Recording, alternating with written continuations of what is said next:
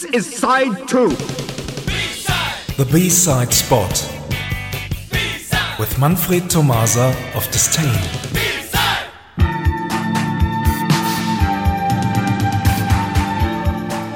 Good evening, everyone. Here are The Cure with a song from 1983, Lament.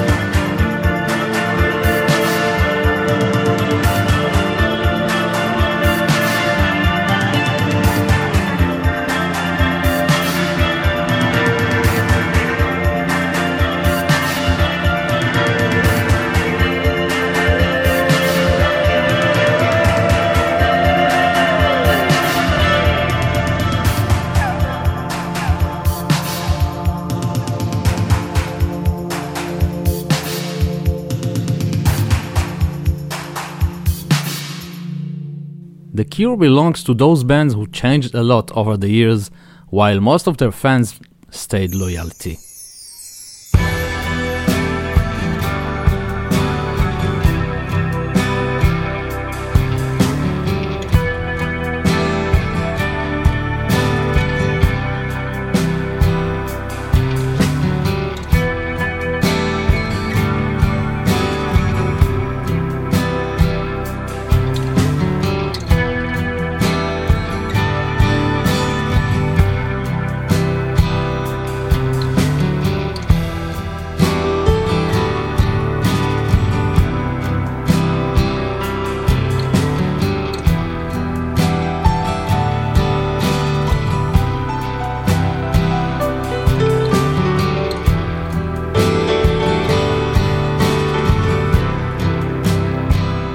Well, maybe changing is some kind of strategy everyone should think about.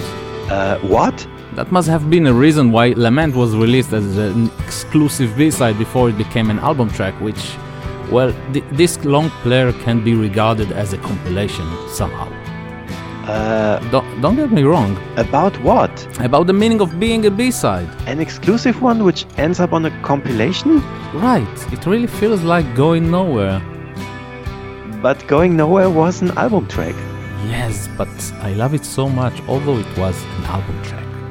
Okay, okay. We all know that you listen to exclusive B-sides only and despise album music. But where is this going to? I'm afraid it is going nowhere. I'm going nowhere.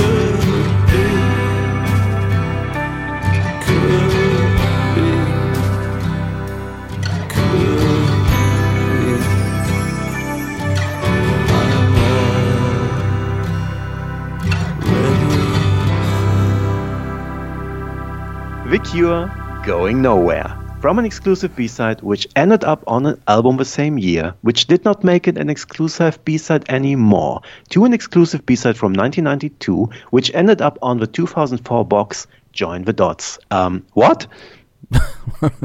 What, what? The basic argument for being exclusive is still that the B-side never appeared on a regular studio record. And here it is, the exclusive one. Released as the B-side of High in 1992.